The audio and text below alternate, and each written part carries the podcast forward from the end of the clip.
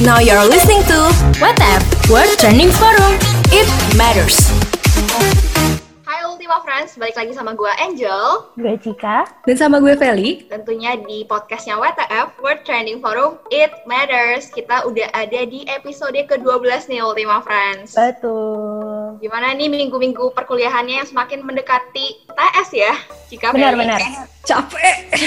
Hmm, Masih nunggu. gue pengen Hmm, gue pengen nanya-nanya dulu nih ke Cika. Tumben ya, Cik. Gue agak Tumben banget. penasaran gitu sama lu. Nah, Cik, setahu gue kan lu suka banget nih nyoba-nyobain resep-resep baru, ya kan? Ngikutin resep di YouTube gitu. Masih nggak sih sampai sekarang? Masih masih. Kemarin pun bahkan terakhir nggak ngikutin resep YouTube sih, tapi kayak masih masak bareng sama nyokap karena gue kangen banget sama udang asam manis dan ada kisah di balik itu. Jadi kayak gue dulu waktu TK apa SD kelas 1 gitu, gue bekal udang asam manis terus ditaruh di tempat bekal gitu dan dia jatuh di tengah jalan. Gue nggak sadar kan naik motor waktu itu kan nggak kayak nggak sadar gitu di di sekolah tuh gue nggak makan siang akhirnya sampai kayak udah nangis sampai rumah mah aku lapar banget aku tapi pengen itu udah semenjak itu kayak itu jadi ada salah satu hidangan yang punya histori panjang di Jadi keluarga trauma gue. ya? Hmm, Jadi akhirnya gue sama ya. nyokap kemarin masak itu pertama kali untuk pertama kalinya Setelah sekian lama ya? Setelah Betul. insiden bekal jatuh itu ya. bener bener banget gue nangis gue nggak punya makanan di ku- apa di sekolah waktu itu Nah, ini lu sama banget nih sama bintang tamu kita hari ini nih, Cik. Yang baru-baru ini ngupload video masak bareng sama mamanya juga. Dan cerita-cerita juga nih bareng sama mamanya. Masak kangkung ya. Kita langsung panggil aja kali ya. boleh siapa Eh. nih Bintang tamu kita minggu ini ada Kak Natani Kristi Krisno. Hai, Kak. Hai semuanya. Halo. Halo kak, boleh kak dikenalin dulu nih kan udah ada Cika, Angel, sama Feli udah kenalan tadi sama Ultima Friends Sekarang giliran Kanata yang kenalan, boleh banget kenalin Oke. lengkap, usia, nomor KTP, tempat tinggal lahir, RT, RT Mau boleh nih? Cika mau ngapain? Status juga jadi- boleh gak? Status juga boleh, mahasiswa di mana, boleh banget ya kak. Silakan kak. Halo semuanya.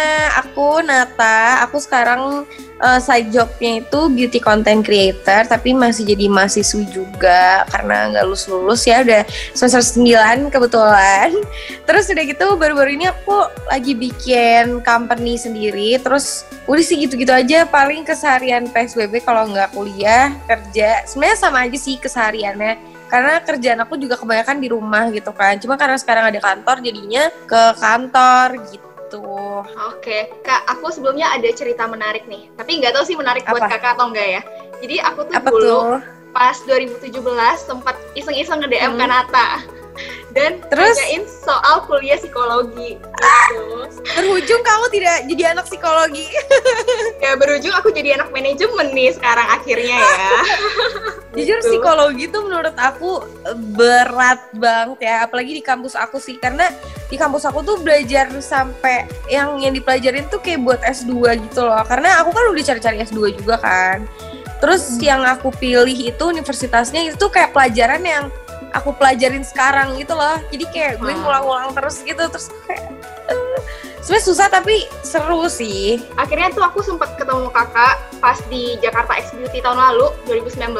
oh my di- god. Ya, di bootnya Jarte Beauty itu waktu itu kayaknya kakak pakai atasan pink gitu deh. Kita sempet foto bareng. Gila masih inget banget lagi. Oh, yang tremor kak sebenarnya ya? Kak. Iya, ini dia aku dalam ya- hati udah deg-degan banget nih. Oh, aku ya deg-degan banget ini. Lebay deh. Pengen tahu nih gimana awal mulanya kakak bisa jadi content creator. Hmm. Awalnya tuh pakai platform apa sih kak untuk memulai karirnya? Oke, sebenarnya awalnya tuh di YouTube. Jadi tuh iseng-iseng gitu loh pas SMA, udah kelas 3 kan. Dulu tuh biasa sama dengan anak-anak negeri pada umumnya gitu ya. Kayak, uh PTN tuh pokoknya yang terbaik deh gitu. Kayak nomor satu gitu. Kayak kalau lo nggak PTN lo kayak sedih gitu. Dulu tuh aku masih mikirnya kayak gitu. Jadi kayak nyoba tuh sampai jalur kematian gitu. Tapi nggak dapet-dapet gitu kan. Terus Oke. Iya, terus udah gitu kayak aduh bete gitu kan nungguinnya lama, tes berkali-kali gitu kan, inten gitu-gitu. Terus kayak ah bingung mau bikin apa ya gitu kan. Terus udah gitu aku tuh orangnya bawel banget kan, seneng ngomong. Terus akhirnya cobalah YouTube. Nah, waktu itu YouTube tuh kayak masih di era-eranya Chandra Liao. Terus kayak kalau di beauty kayak Stefani Talita, terus udah gitu Hmm, Tiara masih sering yang kayak gitu-gitu Terus aku ngeliat mereka kan, terus kayak, ih kayaknya seru deh bikin ini. Akhirnya aku bikin lah review lip tint tuh pas awal-awal. Yang sekarang videonya udah aku hide. Karena aku kayak kadang suka malu gitu ngeliat diri aku pada saat itu. terus kayak, ya awalnya tuh cuma pakai handphone doang. Terus mengandalkan sinar matahari. Pokoknya bener-bener kayak low budget gitu. Terus kayak beli-beliin lip tint gitu yang lagi ngehits apa. Dan dulu tuh aku anak lip tint banget kan. Akhirnya ya udah bikin video itu eh ternyata mungkin pada kala itu yang ngebahas beauty tuh nggak sebanyak sekarang kali ya. Jadi mungkin kalau orang nge-search tuh langsung kelihatannya eh maksudnya pilihannya tuh sedikit gitu. Jadi uh, viewersnya tuh gede banget pada kala itu tuh sampai kayak 2 juta deh kalau nggak salah Wow. viewersnya. Nah dari situ akhirnya kayak bikin lagi deh gitu. Ya nggak nggak ini ya maksudnya kayak nggak munafik ya. Kayak seneng juga kan dapat support dari stranger gitu. Akhirnya yaudah deh uh, lanjutin lagi. Akhirnya lanjut lanjut lanjut lanjut ya udah kecemplung sih ini sebenarnya udah sekarang tuh udah tahun kelima aku di Wow. sini gitu Produktif banget ya masa SMA-nya beda banget sama kita Angel. Iya kita kayak aduh sekolah aja pulang terus nonton gitu ya. Iya, Itu SMA gue tuh kalau bahasa Sundanya tuh namanya kulehe. Namanya kulehe tuh bener-bener butek banget itu muka waktu SMA gue. Aduh. Sama tahu aku juga kulitnya nggak rata gitu kan kayak Iya, iya bener-bener banget kak. Sekarang aja baru dibener-benerin dikit lah ya, dipermak-permak dikit baru nih. iya tapi kalian angkatan berapa sih sebenarnya Kalau aku sendiri 2019, enggak aku sendiri, kita semua 2019 kak di sini. Benar, Oh. kita semua Oh 2019. my god tapi berarti kalian ini dong maksudnya kayak SMA harusnya udah kayak kenal lip tint gitu-gitu kan Udah banget, udah banget. Udah, udah ada yang kayak- pakai alis extension gitu dong Oh, kalau extension aku di ini nanti ditarik ke ruang BK kak. Ih Sama dulu banget, tuh gue juga. Tapi sekarang aku ngelihat kayak banyak gitu loh anak-anak SMA yang kayak aku kalau ngelihat gila cakep banget Maksudnya lu gue SMA nggak kayak gitu ya. Kayak wow pakai ekstra kayak di SMA aku juga gitu ya. Kalau aku lihat adik-adik kelas aku kayak wow cantik-cantik banget ya pakai extension rambutnya catokan bagus. Iya badai-badai gimana gitu kan Iya kan? Gue kayak dulu gue boro-boro gue mana tahu catokan gitu. Loh Catokan kayak apa itu? Nggak kenal kayak. Iya dulu gue kayak apaan? Yang gue tahu cuma Purbasari apa ya gitu. Oh, gitu ya karena dulu. video pertamanya kakak itu lip tint dan juga kakak terkenal sebagai ratu ombre nggak sih di Instagram? Iya pada saat Iya itu banget. ya, padahal yang ombre banyak banget gak cuma gue, tapi mungkin karena aku sering bikinnya ombre-ombre look gitu kali ya, jadinya kayak pada taunya ikonnya itu gitu. Hmm, Tapi kalau pada Kanata kan ombrenya bagus ya Angel ya, Vel ya. Hmm. Kalau gue tuh dulu per- pernah tuh eh, nyoba-nyoba bikin ombre ombre ala ombre gitu dikira orang sariawan Hmm, mbak. karyawan, oh, Karyawan kayak di dalam gitu doang ya. di dalam ya. Emang sumpah kalau ombre tuh emang ombre tuh kayak harus ada trik tersendiri sih menurut aku. Kayak nggak bisa ngasal gitu. Pertama kayak yang penting bibirnya tuh ke moist gitu. Biasanya kan kadang yang orang takut dari ombre tuh di bibir-bibir tengahnya tuh kan kita suka kering kan. Jadinya iya, kenapa makanya kalau suka kayak orang sariawan. Terus udah gitu pemilihan warna tuh penting banget sebenarnya biar nggak zong. Jadi kayak warna nude-nya jangan yang terlalu nude atau jangan yang terlalu orange, jangan yang terlalu gelap juga gitu loh. Terus innernya juga harus dipilih dan orang tuh kalau pakai ombre tuh kayak di tengah terus kayak gitu di langsung di blepetin aja kan di seluruh bibirnya dia. Makanya nggak jadi ombre gitu loh. Padahal tuh caranya harus rada cantik dan rada kayak ya agak cantik itu sih kayak harus di mem, mem gitu dijepit-jepit doang gitu. Itu lagi ngomongin aku ya? manja manja gitu. Iya. Itu lagi ngomongin aku ya. Cuma di mm, itu saya. Hai. Biar Aku juga aja tertangkap kan. di sini Biar cepat ada warnanya. Nah, jadi harus pilih warnanya tuh. aja gitu loh. Tau gak sih kak dulu aku tuh Kadang orang tuh rakus kan nih. warnanya warna ungu. Apa? Aku dulu pernah dikasih lip tint warnanya warna ungu. Kan kayak kayak kayak member-member girl band gitu kan kayak mereka pakai warna ungu terang gitu kan cakep ya. Hmm. Akhirnya dikasih tuh Iya. sama temen kok gue jadi orang sariawan ya, tapi gue tetep aja pede gitu Sumpah tapi aku juga nggak cocok sama warna ungu. Sumpah kayak nggak cocok banget. Emang harus pilih-pilih warnanya harus sering sih. Sama makainya jangan geragas. Felicia note buat kamu jangan digeragas makainya. Iya, Bu. Aduh langsung tergambar nih. Kayak Ultima Fresh insert fotonya kali ya, file di foto. Boleh kali ya, kayak mana nih? Kayak Ultima Fresh penasaran gitu. Lu videoin nanti juga cara pakai suka banget film. pakai lip tint kan sebenarnya tapi tiap kali gue pakai lip tint tuh end up-nya selalu yang kayak ini loh satu garis doang merah gitu Kering kan jadinya. kalau iya betul banget kalau bisa dilihat sekarang Tapi sekarang tuh formula lip tint udah banyak banget yang bagus gitu loh kayak dulu kan cuma lip tint cair, water tint gitu kan. Sekarang tuh udah ada yang mousse tint lah, creamy tint lah gitu kan. Jadi kayak bisa lebih mempercantik bibir biar nggak kayak orang sariawan gitu loh. betul betul. perkembangan zaman. Bener-bener. Perkembangan zaman sekaligus sekarang lagi dari masa pandemi nih ya. Eh, mulus banget ya ini ya. Hmm, bridgingnya halus. Iya, bener Halus banget. banget. Di masa pandemi gini nih kan kakak sebagai tadi konten kreator, saya jawabnya itu ada kendala keluh kesah nggak sih kak? Atau bahkan malah di pandemi ini ada hal-hal positif yang didapetin nih kak malahan? Eh, aku mikir, aku mix feeling sih ya di tahun ini. Kayak awal-awal tuh mungkin kalian ada yang follow aku kali ya. Maksudnya kayak ada yang Aku. udah tahu kali ya. Kayak aku banget, aku banget. kayak aku tuh malah tahun ini tuh kayak tahun terbikin aku mental breakdown gitu loh. Aku sampai konseling gitu kan. Jadi awal-awal pas pas Februari itu tuh kayak itu awalnya aku bener-bener yang stres dan depresi gitu loh. Tapi di sisi lain kan aku tetap harus bikin konten segala macam. Jadi kayak lumayan sering dulu tuh kayak aku harus fake smile dan kayak harus bener-bener abis bikin konten drama gitu kayak nangis sedih gitu. Itu pas awal-awal gitu kayak gitu pas awal tahun ini. Cuman habis aku konseling terus kayak aku nemuin beberapa hal dan insight terus kayak aku mulai art therapy, mulai eh, nan- bikin tanaman terus udah gitu ke kristal juga gitu-gitu. Jadinya kayak udah mulai bisa di maintain gitu dan kayak semakin deket sama diri sendiri semakin tahu jadinya nganggep tahun ini tuh kayak tahun blessing gitu loh. Kalau nggak ada tahun ini gue nggak akan bisa keluar comfort zone gue gitu loh. Kayak kalau nggak ada tahun ini nih gue nggak akan punya kantor sekarang gitu. Karena dulu tuh aku pengen banget bikin bisnis tapi kayak aduh gimana ya mulainya gimana ya ininya gitu kan. Tapi kan gara-gara pandemi tuh berpengaruh ke penghasilan side job ini kan. Kayak maksudnya kerja sama-sama brand juga sedikit segala macam karena bisnis kan semua turun gitu loh jadi mau nggak mau kayak oke gue harus mulai kayak harus gerak gitu loh. Jadi kayak memaksakan aku dan aku ngerasa orang-orang juga terpaksakan untuk kayak keluar dari zona nyamannya mereka gitu loh. Jadi aku seneng sih sekarang ngeliat orang-orang kayak banyak yang explore gitu. Ada yang jualan ini, ada yang bikin ini, ada yang ngebantuin ABCDE, ada yang berpartisipasi di mana. Jadi kayak walaupun awalnya frustrating banget tapi jadinya sekarang udah mau akhir-akhir tahun nih jadi kayak tahun blessing gitu sih menurut aku Wow. paksaan gitu untuk kita manusia. Tadi kan kak mention tentang kantor, kita nggak, aku Hmm. juga nggak tahu kak kantornya kantor apa sih kak? Oke, jadi aku tuh kan bikin company ya. Jadi company itu tuh aku sebenarnya emang pengen tuh banyak gitu di bawah itu. Kayak sekarang kan aku udah ada Krisno by Nat. Itu tuh nantinya bakalan ini kalian doang nih yang baru tahu. Nantinya Waduh, bakalan. Iya. Nantinya di Krisno itu bakalan ada baju-bajunya dan segala macamnya. Nah mungkin beberapa kalian yang dengerin juga nih di rumah udah tahu ya tentang Pastelova juga. Sebenarnya Pastelova sama Krisno Baina tuh kayak beda marketnya gitu. Kayak Pastelova tuh lebih ke yang 90s lucu-lucu gitu.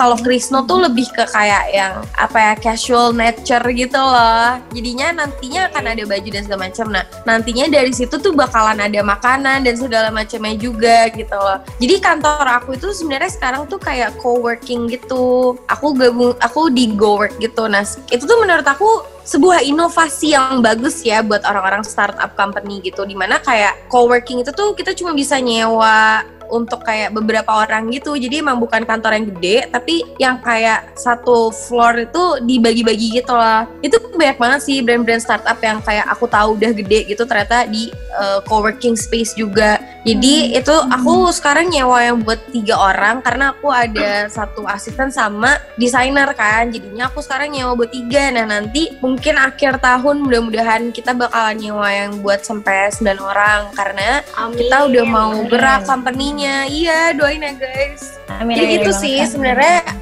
itu co-working gitu dan orang-orang startup sih kayak cocok sih di co-working space. Iya, aku juga sempat lihat di salah satu video dia kakak yang sempat sharing ya soal kantor barunya. Itu kayak insightful banget sih untuk Iya. orang-orang yang kayak, duh gue gak ngerti nih ini co-work itu apa. Terus kayak bener-bener baru tahu Mhm. gara-gara video itu. Mungkin Ultima Friends yang mau tahu juga bisa dicek banget di video YouTube-nya Kanata. Dia ngerasa kayak Kanata justru makin melakukan banyak hal positif banget walaupun di tengah pandemi kayak gini. Yang kayak kakak sebutin Amin. tadi malah jadi kayak blessing gitu dan jadi putar otak ya. Jadi ya gue harus kerjain apa nih di pandemi kayak gini Mhm. gitu. Malah gue Iya. tadi sempat agak tertohok gitu pas di awal bilang aku sih gitu aja sih- gitu aja sih selama pandemi paling aku cuma ngerjain ini ini ini itu aja sih so kayak ada ajanya terus gue bercermin melihat diri gue sendiri aja. Yang Apa aja aja lu apaan gitu. kayaknya aku tuh udah kebiasa gitu loh guys untuk kayak mengerjakan suatu hal yang banyak. Justru kalau aku diem tuh aku stres. Jadi kayak kalau aku nggak ngapa-ngapain tuh aku kayak ah pusing gitu loh kepala aku. Jadi emang kayaknya dari akunya gitu harus harus produktif gitu loh. Terus aku juga kayak ngambil online course juga kan. Jangan ditiru sih itu ini sebuah aktivitas yang mematikan memang Kenapa? Kenapa emang kak? aku tuh emang maksudnya kayak cita-citaku tuh banyak gitu loh nggak cuma satu. Dan emang sebenarnya tuh untuk di entertain tuh bukan bukan cita-cita. Sebenarnya ini tuh kayak emang mungkin titipan Tuhan kali ya aku mikirnya kayak oh ya gue bisa share something ke orang-orang gitu loh. Gue bisa bikin sesuatu untuk orang-orang gitu. Kayak Pastelova juga sebenarnya aku mau bikin tuh bukan cuma sekedar brand tapi kayak kita nanti bakalan ada size yang dari extra small sampai XXXL dan nanti campaignnya itu juga tentang body positivity sama self love jadi kayak gue nggak mau jualan yang sekedar jualan gitu loh. Jadi mungkin di bisnis bisnis ini tuh kayak tempat di mana aku menyalurkan aspirasi otak gitu ya. Tapi cita-cita gue tuh sebenarnya awalnya tuh gue pengen kriminologi forensik gitu. Wow. Yang kayak CSI gitu ya kak? berat banget. tapi nggak kesampaian gitu loh. Karena kayak di Indo gitu kan akhirnya kayak ya udah deh ngambil psikologi tapi ambil online course-nya pertama ini pertama tuh aku criminal law pertamanya terus udah gitu sekarang ngambil forensic science sama Spanyol Wow, Spanyol Wow. baru banget ya kak. Berarti Spanyol. iya yang Spanyol baru banget baru, baru banget Terus kayak bener kakak tadi sempet waktu awal-awal tahun kan kayak sempet down terus kayak ngekristal. Nah aku tuh penasaran ngekristal tuh ngapain kak? Oke, ini banyak banget sih yang nanya. Bahkan kayak nggak nggak sedikit gitu yang ngira gue nyembah berhala gitu. Ada yang kayak bilang gue gue gue nggak punya agama segala macem kayak ini no offense ya kayak kalau misalnya kalian nggak nggak percaya agama juga nggak apa-apa gitu loh kayak ya udahlah kalian menjalani hidup kalian gitu. Cuman kan gue di sini percaya dengan agama gue gitu ya. Jadi kayak pas orang ngomong gitu gue kayak yang apa sih gitu loh karena sebenarnya kalau kristal sendiri tuh kayak aku ngerasanya buat healing aja. Jadi aku ngelihat kristal tuh sebagai tools aja gitu loh. Bukan yang kayak gila gue gue mendoakan nih kristal gitu-gitu tuh enggak. Mungkin ada orang-orang yang kayak gitu ya dan kayak ya nggak apa-apa gitu. Cuman kalau untuk aku aku cuma jadiin itu tools. Karena tuh tiap kristal ada benefitnya gitu. Kayak Uh kayak yang rose itu tuh dia lebih ke rose quartz itu yang warna pink. Dia tuh lebih ke self love terus ada juga uh, yang howlite itu tuh dia lebih ke calming. Jadi kayak kalau misalnya misalnya aku ke kantor atau kayak bakalan seharian tuh full gue butuh ekstra sabar gitu kan. Jadi kayak oh ya gue hari ini mau pakai si howlite deh biar biar kayak gue ingat nih oh ya gue hari ini tuh harus ekstra sabar karena kerjaan gue hari ini tuh bakal banyak gitu gitu aku mau nanya deh kan tadi kita sudah ngebahas em, kakak itu ambil course juga terus habis itu konten Mhm. creator juga terus kuliah Mhm. juga gitu kan. Ditambah Iya. udah semester, semester akhir kan berarti udah harusnya udah skripsi dan teman-teman ya kan? Iya iya Nah. iya. aku mau nanya nih kak. Gimana cara ngatur waktunya kak? I mean like kita Dulu cuma punya 24 Oke. jam kak gitu dalam satu Iya, hari. gimana tuh kak? Jujur 24 jam tuh emang gak cukup sih. Kalau boleh jujur kayak gue tuh per- gue tuh bangun jam 7 terus kayak ini jam 8 ke kalian ntar jam 9 gue ngerti ntar abis selesai dari kalian gue ngerjain apa terus bikin konten ngedit segala macam kayak baru bisa tidur tuh mungkin jam jam jam 3 jam 4 atau jam 2 lah gitu loh minimal. Ntar bangun lagi jam 7 gitu. Kayak emang sebenarnya nggak cukup 24 jam cuman dulu tuh pas aku semester 3 aku tuh kayak udah mulai ini kalau misalnya nanti kalian udah dapet pekerjaan di tengah-tengah kuliah kalian harus mendengarkan ini. Dulu pas aku semester 3 itu di mana aku tuh kerjaannya tuh lagi naik-naiknya banget gitu loh. Jadi kayak gue ngerelain semua kuliah gue demi kerjaan gue karena gue mikir kayak ya siapa ini belum belum tentu kayak gini lagi masanya gitu kan tapi itu justru kayak titik poin di mana nggak bisa ngatur semuanya jadi kuliah gue tuh jatuh banget. Jadi makanya kenapa gue lama kan lulusnya. Terus lama kelamaan belajar tentang time management gitu loh. Jadi kayak sebenarnya emang bakal lebih klise sih kalau dia ngomongin tapi prioritas tuh paling utama benar sih. Kayak kita harus tahu gitu loh kayak prioritas kita tuh pada saat ini apa. Kayak misalnya aku kuliah ya udah mau nggak mau gue harus prioritaskan kewajiban gue paling pertama baru yang lain-lainnya gitu loh. Udah gitu ini aku tuh buat schedule gitu di iPad. Jadi kayak dari jam berapa gue tuh harus ngapain. Jadi di setiap harinya tuh ada reminder di HP aku kayak aku aku nggak ada kerjaan pun bangun tuh selalu pagi jam 7 gitu loh karena menurut aku tuh kalau bangun pagi itu tuh ah, yang kita bisa kerjain tuh lebih banyak daripada kita bangunnya siang. Kalau kita bangunnya siang ya kan kayak jam 10 jam 11 terus misalnya tugasnya banyak dan segala macam. Lo akan lebih kerasa ke drain gitu loh daripada lo tuh bangun dari jam 7. Jadi kayak akan kerasa lebih capek kalau kita bangun siang daripada kita bangun pagi karena waktunya jadi lebih sedikit jadi ngerjain apa-apa keburu-buru akhirnya jadi ngeluh kan kayak aduh waktunya kurang aduh nggak cukup aduh capek gitu kan. Ya bangun aja udah siang terus lo dari siang misalnya jam 11 bangun misalnya ada tugas nih gitu terus lo nggak langsung kerjain lo ngerjainnya ntar baru jam 9 malam. Ya iyalah capek gitu loh. Jadi kayak mendingan bangun pagi jadi bisa aku biasanya bangun pagi terus bisa self care dulu self healing dulu sehingga mempersiapkan diri gue gitu loh untuk hari yang padat. Sebenarnya bikin capek tuh nunda-nundanya sifat nunda-nundanya manusia tau gak sih? Itu yang bikin capek gitu. Sebenarnya orang aku ngerasa kayak orang sesibuk apa pun even artis pun aja kayak kayak mau Ayunda gitu ya contohnya. Dia tetap bisa balance gitu loh ya kan berarti kan dia time manajemennya bagus dong dan dia bisa gitu. Masa kita yang yang tidak sehebat dia nggak bisa gitu loh ngatur waktu gitu kan. Dia kan udah magical banget waktunya. Dia tuh padet banget gitu kan. Maksudnya kayak dia aja bisa balance gitu. Berarti kan dia time manajemennya bagus gitu. Jadi kayak menurut aku yang namanya sibuk tuh nggak ada. Kayak ya lo lo tahu nggak sih gitu lo skala prioritas lo apa? Kalau lo udah tahu skala prioritasnya dan lo bisa atur tuh nggak ada kata sibuk menurut aku sih. Yang ada lo nggak sempat ya, gitu. kita semua ya mendengarkannya. Benar. Gue denger ya, tuh denger, Yoi. tuh denger gitu. Denger ya, kayak hmm, Tapi aku setuju banget sih, kita harus prioritasin dulu apa yang kita harus kerjain. Terus ini benar-benar kayak kita bikin schedule dan ngatur itu bantu banget sih kayak gue hari ini harus kerjain apa ini ini ini ini jadinya kayak teratur harinya dan Mm-mm.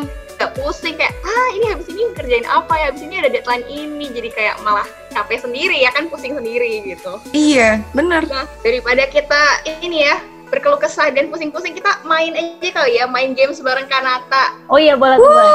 apa Sabi nih banget. di WTF itu ada segmen yang namanya Pil KB nih kak pilihan konyol tapi bener boleh nih kak Betul. Jadi Jelasin kak dulu. di segmen kali ini di PLKB kali ini nanti kita bakal ngasih eh, dua pilihan. Nah kakak harus pilih Hmm. salah satu. Tapi harus cepet. Oke. Contohnya nih Ninjal. Boleh banget siapa yang dicoba ya? kayaknya gue ngasih contoh ke lu aja kali Cik ya lo jawabnya Boleh, harus cepat boleh, ya boleh. tapi ya Boleh. Oke, nih? Cika, lebih pilih cowok jurusan film atau ilmu komunikasi? Film. Kenapa tuh? oh kayak gitu Betul. Kayak gitu. Alasannya Oke, di keep aja gitu. Oh, alasannya keep aja ya? Oke, Oh, boleh. Ya. Hmm, ternyata. Hmm. Ya, oke kak, boleh nih kak kita mulai aja ya kak ya.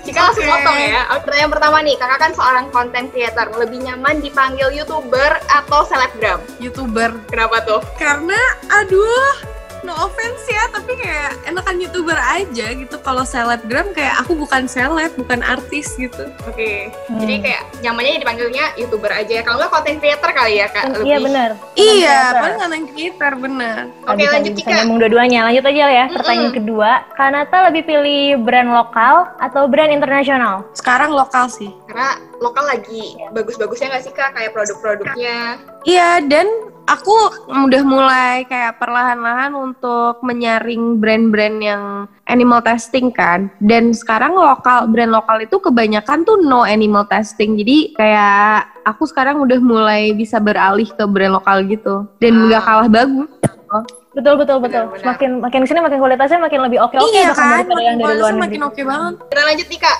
Ini ada dua aktivitas yang kakak sukain. Lebih pilih baca buku atau dengerin podcast? baca buku sih Apa tuh alasannya kak? Kenapa Baca lebih buku. suka baca? karena em, gimana ya kayak kalau baca tuh menurut aku aku bisa mengimajinasikan sendiri gitu loh kayak oh ini orang lagi gini nih orang lagi gitu gitu kalau podcast kan kayak kita udah tahu gitu loh realitanya kayak gimana jadi kayak susah untuk mengimajinasikan apa yang dia sedang lakukan dan obrolin gitu loh tapi kalau buku tuh menurut aku kayak kita bisa imajinasiin gitu oh di scene ini dia lagi gini terus kayak bisa kerekam gitu berarti pas masa lalunya dia tuh gini gini, gini gitu kalau buku tuh aku bisa kayak sekalian analisis gitu loh tuh orang sebenarnya kenapa bisa kayak gitu gitu Kalau jurusan psikologi beda. Ada analisis Beda. orangnya kenapa. Analisis gitu. beda. Hampir mau gue samain sama diri gue sama kak aku juga jujur gak suka podcast banget gitu. Padahal gue bikin podcast kan kayak ya mohon maaf aja ya. Tapi udah muncul analisis beda udah beda. Udah beda. udah beda banget. Oke pertanyaan berikutnya kak. Kakak lebih pilih painting atau journaling? Hmm, painting. kenapa tuh kak? Karena kalau painting tuh menurut aku kayak kita ngeluarin emosi yang nggak bisa kita keluarin gitu loh. Soalnya aku tuh bukan tipe orang yang, maksudnya sekarang ya begitu udah agak tua gitu, kayak udah bukan tipe orang yang mau terbuka lagi sama orang lain gitu selain pacar aku dan beberapa sahabat-sahabat aku gitu. Itu pun kayak kita nggak bisa expect mereka untuk selalu ada buat kita gitu kan. Kayak kita juga nggak boleh egois gitu. Jadinya eh, aku lebih mending kayak oh ya udah gue ngeluarin emosi yang ada dalam diri gue ke painting aja gitu jadi kayak ya udah nggak perlu cuap-cuap ke orang nggak perlu ada ekspektasi nih orang bakalan kasihan sama gue atau enggak jawabannya bakalan sama-sama gue sama yang gue mau apa enggak gak perlu pusing-pusing kayak gitu. Jadi kayak udahlah painting aja gitu. Udah keluar emosinya. Kita lanjut nih kak. Selanjutnya pilih pastel color atau solid color. ah susah lagi. Dua-duanya kesukaan aku lagi. Pastel deh. Berapa tuh pastel kak? karena lebih fun aja kayak warnanya banyak gitu. Jadi kayak lebih lebih kerasa happy-nya aja gitu tapi kalau warna favoritnya kakak sendiri nih yang kayak misalkan pink biru merah hijau gitu warna apa kak lilac bro gak ada Wow. lagi warna favorit gue selain lilac like. Pertanyaan terakhir sih kak, lagi pertanyaan terakhir nih. Kakak kan tadi ke mahasiswi psikologi, tapi juga jadi konten kreator. Nah ini saatnya penentuan kakak harus pilih salah satu nih, andaikan nih. Pilih jadi psikolog atau jadi konten kreator kak? gampang banget psikolog lah Gampang Iya ya udah Kita kuliah agak susah ini bener ya. perjalanan Tapi kan perjalanan lagi. Pertanyaan paling sulit ternyata enggak ya. Kayak di akhir gitu. paling Bridgingnya udah kayak ala-ala susah banget gitu gue tadi kan. Heeh. udah kayak kuis apa gitu. iya iya. Karena kalau content creator tuh sebenarnya kayak kecemplung ya kayak tadi yang aku bilang kayak ini sebenarnya mungkin titipan aja gitu tapi deep inside kayak setelah aku udah masuk psiko dan segala macamnya aku cinta banget gitu jadi kayak kalau misalnya one day ada pilihan lo mau jadi konselor yang ngurusin anak-anak tapi lo ninggalin ke content creator lo lo mau nggak mau gila mau banget Gampang gitu. ternyata Cika. Iya gampang ya. Aduh. Oh my god, Angel beli beli apa beli chat, Cika left the chat, I'm sorry. Baru gue mau nyaut cakep. Oh mohon maaf, cepetan ya.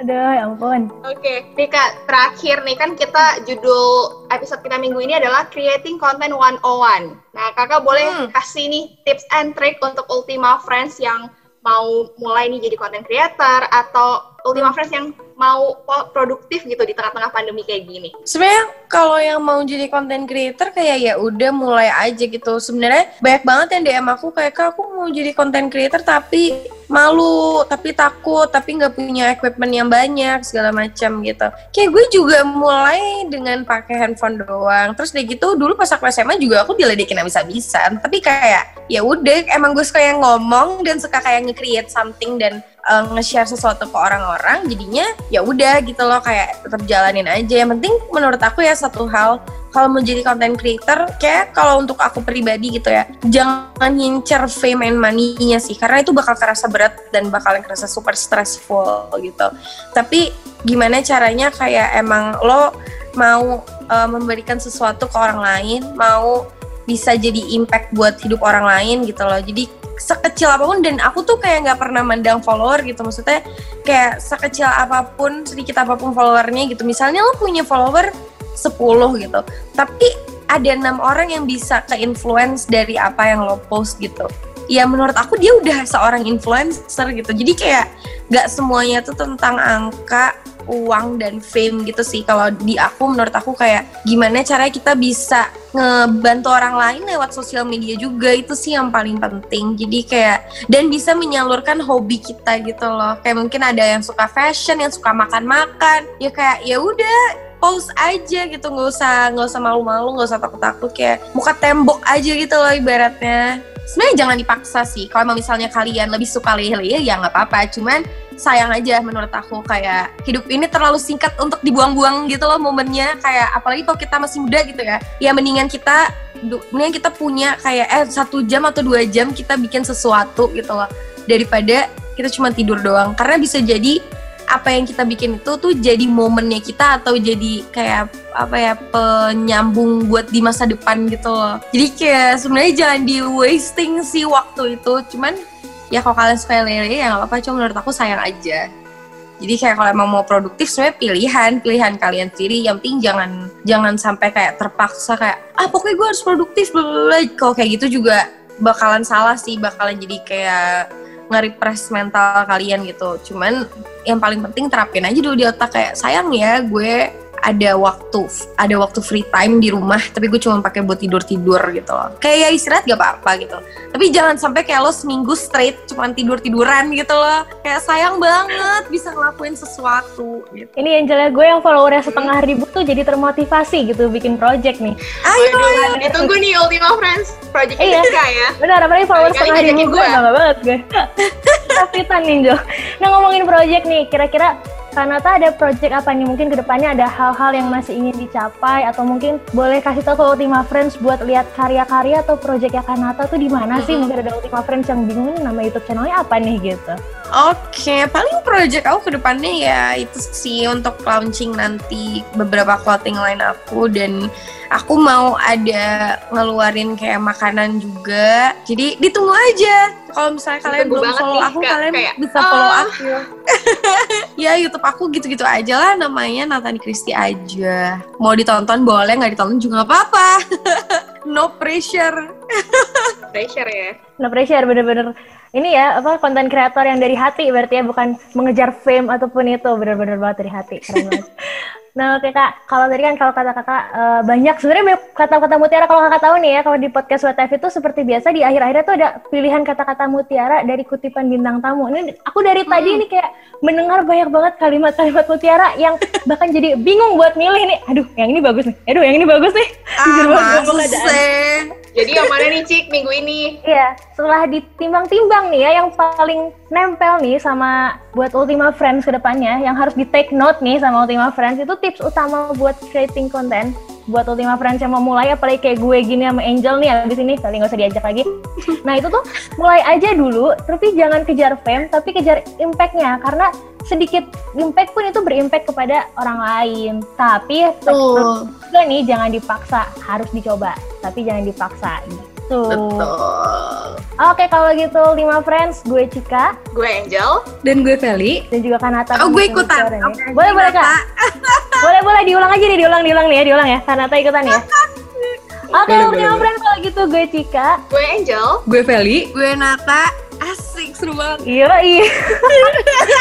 Para dulu ya Ultima Friends pantengin terus WTF di You Podcast karena pastinya banyak banget topik-topik yang asik. Terus salah satu ini sama Kanata tadi ini asik banget buat kita bahas rame-rame. Jangan lupa dengerin ya Ultima Friends di World Training Forum WTF It Matters. Now you're listening to WhatsApp World Trending Forum. It matters.